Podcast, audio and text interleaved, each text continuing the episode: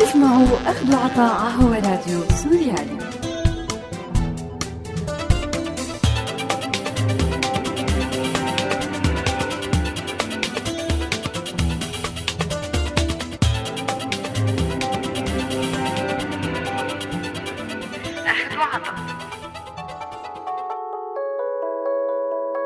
أعزائي المستمعين أهلا وسهلا فيكم.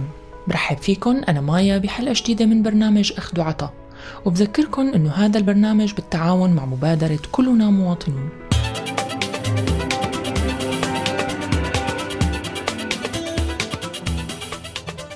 تم الدعس تم الترحيل عبارات بتتناقلها مجموعات مختلفة على شبكات التواصل الاجتماعي بسوريا للتعبير عن مقتل أحد الجنود أو الأفراد نتيجة المعارك الدائرة بسوريا وسياسات الأطراف المشاركة فيها. خطاب الكراهية الحالي بيتسم بتشييء الإنسان ونزع كل قيمة متعلقة بالجسد ليتحول لمجرد كومة من القمامة المرحلة أو ليتم توصيفه بحشرة منزلية تم التخلص منها بحركة قاضية وسريعة. بتحط حد لحالة الإزعاج اللي تسببت فيها. ومع تعدد الأطراف المتصارعة بسوريا تعددت بشكل تلقائي الانتهاكات المتعلقة بحقوق الإنسان. طرق وأشكال مختلفة بتنتهك فيها قيمة الإنسان وبتنزع فيها كل درجات الاحترام لكرامته الإنسانية. مرة تحت ذريعة تطبيق الشريعة الإسلامية ومرة بحجة التآمر والنيل من عزيمة الأمة. السؤال اللي مهم نطرحه على أنفسنا اليوم هو سؤال بيتعلق بجذور التطرف الفكري بالعموم. هل هو طفرة جديدة بمجتمعاتنا أم هو حالة راسخة بقيمنا ومعتقداتنا وسلوكياتنا بالحياة؟ هل رح نلاقي صعوبات بتتعلق بإسقاط هالممارسات على دوائر حياتنا وسلوكياتنا اليومية؟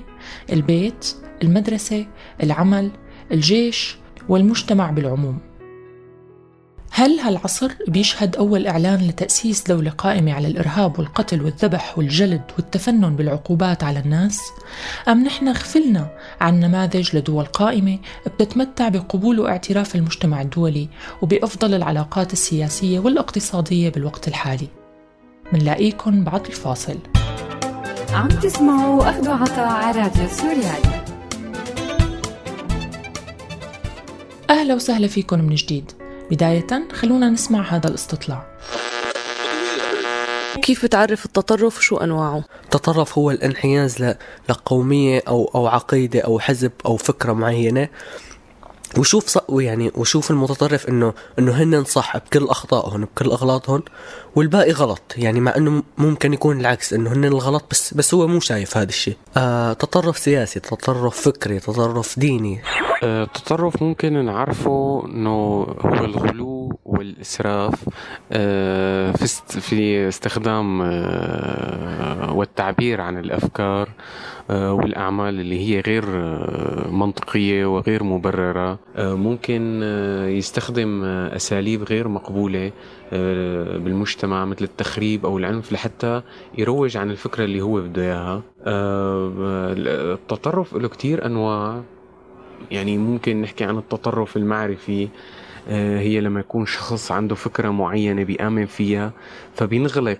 هذا الشخص على هي الفكرة وما بيقبل أي نوع من أنواع المناقشة أو إعادة النظر فيها. آه، في نوع التطرف آه، الوجداني. هذا الشخص ممكن يكون كتير مندفع باتجاه معين بدون عقل بدون تفكر. التطرف السلوكي هو ثالثا آه، المغالاة في سلوكيات الظاهرة معينة بما يخرج عن آه، الحدود المقبولة. صادفتك حادثة معك أو مع حدا بتعرفه بتعبر عن تطرف ديني واضح؟ بعرف شخص كان كان من طائفة معينة وكان عادي يعني مو متطرف بعدين تطوع بالجيش ف... فكتير يعني كتير تطرف للطائفة الشيعية ويعني كثير أتطرف صار ينادي باسم الحسين وفداك يا حسين وهيك. هو أصلا كان هدفه يعني كان هدفه التطوع بالجيش إنه يدافع عن المقدسات الشيعية. هلا حديثي بس بشكل شخصي ما صادف ولكن يعني كثير بنسمع عن آه، أشياء حدثت بالمناطق الخاضعة لسيطرة تنظيم الدولة داعش. آه، هي فرض الجزية على غير المسلمين. آه، أنا بعتبر بعتبره هذا شيء كتير متطرف حتى ولو كان بيعتمد على نصوص دينية واضحة بالإسلام ولكن أنا هذا بعتبره نوع من أنواع التطرف. قبل ما تتواجد داعش بشكل صريح وتنفذ الحدود أحكام الإعدام بطريقة واضحة. شو كان رأيك بالأحكام الإسلام الممارسة بدولة مثل السعودية أو اللي كانت وما زالت تدرس بكتب التاريخ والديانة بالمنهاج السوري؟ أنا أنا برأيي يعني هي هي هي أحكام للردع. يعني هي هي احكام للردع و- وما بصير يعني يعني الواحد شو ما يغلط نقطع له إيده أو رأسه.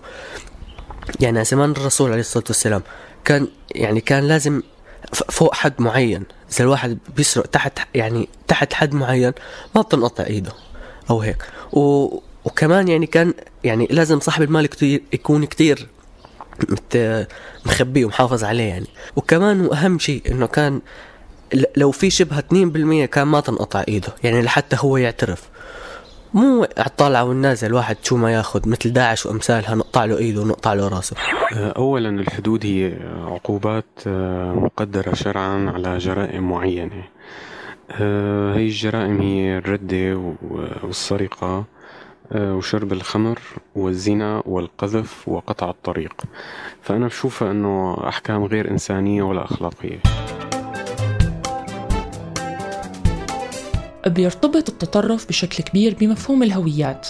الهويات بأنواعها المختلفة الدينية والأيديولوجية. والانتماء للهويات ما بيعتبر بحد ذاته حالة من التطرف. فالناس ممكن يكونوا مسيحيين أو مسلمين اشتراكيين أو ليبراليين ومن جنسيات مختلفة. والغالب أنه الإنسان بيحمل هويات متعددة بتشكل قيمه وسلوكياته بالتعامل مع الآخرين. وبترسم النمط لحياته ضمن الجماعات اللي بيعيش بيناتها إلا أنه الانتماء لهوية واعتبارها حالة منفردة بتحمل الشكل الأصح والأقوم للحياة هو بداية الطريق اللي بيؤدي للتطرف والعنف. فحالة التفرد والتمييز بالهوية بتساعد بشكل كبير على ظهور أفكار معادية ورافضة للآخر المختلف. ومع الوقت بتتحول نظرتنا للاختلاف من حالة الغنى والتنوع لحالة بتتسم بنظرة دونية للآخر وبتتطور للرغبة بإنهاء وجوده أو عزله بأحسن الأحوال.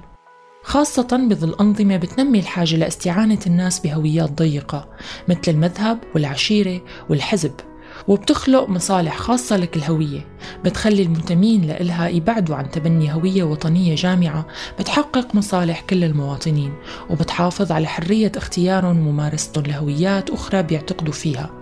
يعني وبمعنى آخر بتخلق الأنظمة الاستبدادية والمسيطرة بالعالم حالة من المجتمعات المنعزلة داخل كل مجتمع وبتستعين فيها لتشكيل صراع عنيف بيناتها بيمنع مع الوقت المجتمع الكبير أنه يمتلك أهداف عامة يتشارك فيها. التطرف بيلاقي أرض خصبة له بالمجتمعات اللي بتعاني من لا مساواة كبيرة بين أفرادها. هي اللامساواة بتتفسر باختلاف الهويات بين أفراد هذا المجتمع. الهويات العرقية والدينية والأيديولوجية. وهي اللامساواة رح تسبب حالة من الشعور بالظلم والاستهداف بسبب الهوية وبيتحول الموضوع بالتدريج لأنه الآخر المختلف هو سبب هذا الظلم وبتصطدم مكونات المجتمع المختلفة مع بعضها.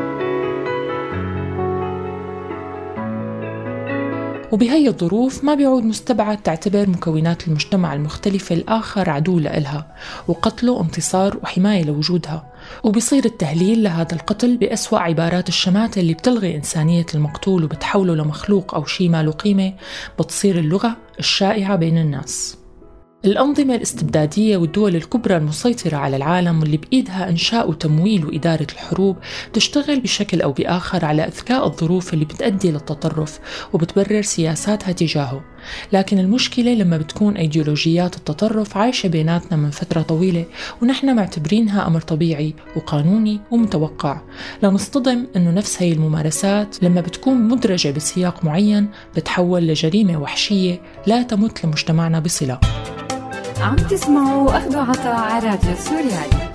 وهون خلونا نحكي شوي عن المملكة العربية السعودية كمثال. نشأت المملكة العربية السعودية على نظام عائلي ديكتاتوري وبيسيطر على إدارتها المناهج الوهابية والسلفية الأكثر تعصبا بين المناهج الإسلامية باعتبارها قائمة على تكفير المذاهب والأديان الأخرى المنتشرة حول العالم.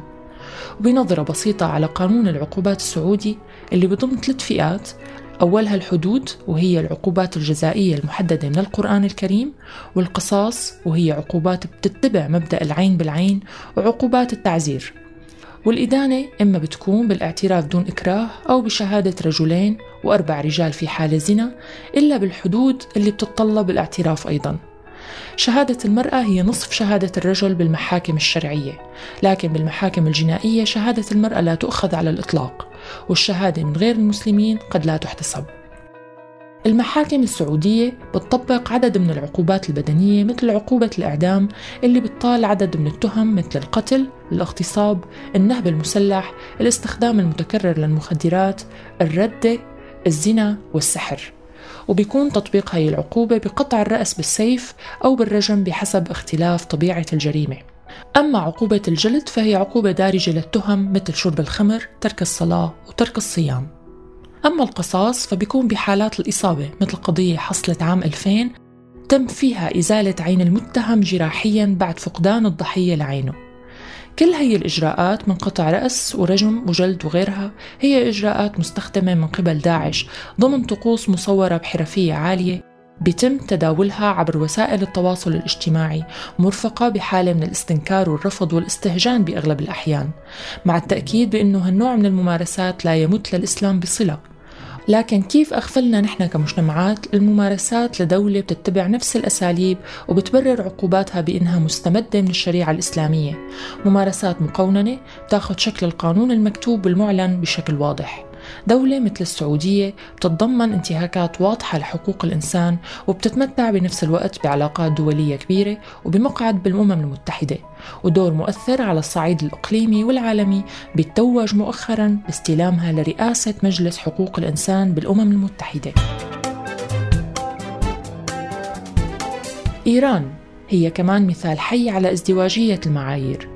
بالوقت اللي بتعتبر فيه إيران التنظيمات المتطرفة عدو استراتيجي وعقائدي إلها بتمارس ببلادها تطبيقات مقوننة بتعبر عن تطرف ديني بجذورها. مثلا بالوقت اللي بتفرض فيه على النساء بإيران اللباس الشرعي تحت طائلة العقاب وبتجبر النساء على الإنجاب لزيادة عدد السكان بإيران وبتمنعهم من دخول 70 اختصاص دراسي. بيعتبروا الناشطين الإيرانيين المناهضين للنظام الإسلامي أن معاداة المرأة هي واحدة من أهم سمات ومقومات النظام الديكتاتوري القمعي بإيران. فاصل ومنرجع. عم تسمعوا أخذ عطاء على راديو سوريالي هل حركات التطرف الموجودة حاليا مثل داعش وأشباهها دخيلة على مجتمعنا ولا في إلها جذور سلوكية وفكرية؟ لا هي موجودة وفي إلها جذور يعني بس ما كان في فرصة إنه يعلوا صوتهم ويطلعوا ويكبروا يعني. بعدين لما سمحت لهم الفرصة كبروا وطلعوا. لا هيك حركات آه، في إلها جذور. يعني الوهابية والسلفية مهدت كتير لدخول داعش على المنطقة. آه، حتى لو كانت مثلا بسوريا كانت عم تشتغل بشكل سري بعيدا عن الأضواء وكانوا كتير مهمشين وتحت المراقبة الدائمة من من قبل أجهزة الدولة. وخاصة بعد حركة الإخوان المسلمين بالثمانينات بالقرن الماضي. وطبعا ما بننسى تنظيم القاعدة. بمناهج التاريخ بالمدارس العربية بشكل عام والمنهاج السوري واحد منهم ما كانت بيوم من الأيام عبارة الخلافة الإسلامية عبارة مثيرة لمشاعر الخوف. بالعكس كانت دائما مرتبطة بأسباب الفخر بالماضي الجميل اللي كانت فيه الأمة الإسلامية أمة قوية والفتوحات الإسلامية ما في حدود عم توقف بوجهها. إذا منتصفح مناهج الديانة من ناحية تانية منلاقي بالكتب حدود العقاب واردة بشكل طبيعي. السارق تقطع يده الزاني والزانية المحصنة يرجمان حتى الموت وهي الحدود هي تشريع إلهي بيحمي المجتمعات من الفساد. هذا التناقض العميق اللي بيحسه كل شخص درس وعرف عن هي الحدود بسياق مختلف تماما عن السياق اللي عم يتم فيه اعتماد هي الحدود كدليل على همجية التنظيمات المتطرفة اللي عم تطبقها بمناطق نفوذها. البيت والأسرة والمدرسة عبارة الله بيحرقك بالنار. الخوف من العقاب بالحياة التانية مع الصور والتفاصيل الحسية المرتبطة بالعذاب والعقاب. كلها جزء من ثقافتنا وهويتنا اللي قد نلاقي قواسم مشتركة بينها وبين صور العنف الحالية ومنها عنف الفئات المتطرفة الحالية. المرأة اللي بسوريا ومن سنين طويلة عم تعاني من قانون الأحوال الشخصية اللي بيخلي المجتمع مسيطر تماما على خياراتها وحريتها. يمكن ما نقدر نلاقي فرق بين الزوج اللي بيحط منع سفر على زوجته لحتى ما تقدر تقطع حدود البلاد وبين منع داعش للنساء من التنقل بدون محرم. كيف الناس بالشارع بيتعاملوا مع رجل عم يضرب امرأة من عيلته؟ حتى رجال القانون.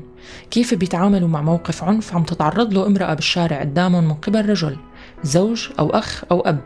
شأن داخلي ملكية خاصة الحقيقة أنه التعامل مع النساء بمجتمعاتنا مؤشر كتير مهم على أنه مظاهر التطرف الموجهة ضد النساء هي نفسها ما تغيرت بس أخذت شكل أوضح وأكثر صراحة.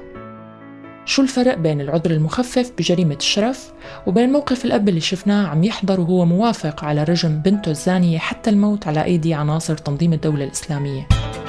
عم تسمعوا أخذ عطاء على راديو سوريالي. الخليط بين السياسات العالمية المدمرة لشعوب المنطقة والحروب القائمة لاستغلال مواردها وتدمير المجتمعات فيها وبين الفكر الديني المتعصب القائم على إلغاء الآخر وتكفيره والاستبداد بالرأي ومصادرة حرية التفكير والاعتقاد. وبين العادات والتقاليد والأفكار المغروسة بتربيتنا وتعليمنا. هو خليط محكم كان من الصعب على المجتمعات المضطهدة أصلا أنه تواجهه بثورات مضادة. لكن تغيير هذا الفكر بحاجة لوقفة صريحة مع الذات والاعتراف بأنه التطرف ما جاي من فراغ وأنه هي المظاهر اللي منردد دائما إنها بعيدة عنا وعن تفكيرنا هي بالحقيقة أقرب كتير إلنا مما منتخيل. وساعتها ممكن يكون في مناخ مساعد على أنه تقوم ثورة تغيير اجتماعي وفكري على طريقة التفكير الإلغائية والعنفية والمبنية على الرعب والمشاعر السلبية من البيت للمدرسة للمؤسسات الدينية لمؤسسات القانون. لحتى فعلا نقدر نبني مجتمع ما فيه مكان للتطرف والتسامح والمحبة فيه حقيقيين ومو مجرد عبارات منمقة وكاذبة. بنهاية حلقتنا أصدقائي أنا بودعكم على أمل أني ألتقي فيكم بحلقة جديدة من أخذ وعطا لا تنسوا تتابعونا على موقعنا سوريالي dot com وأرشيفنا بتلاقوه على الساوند كلاود وولفوا علينا FM من هون للأسبوع القادم كونوا بألف ألف خير.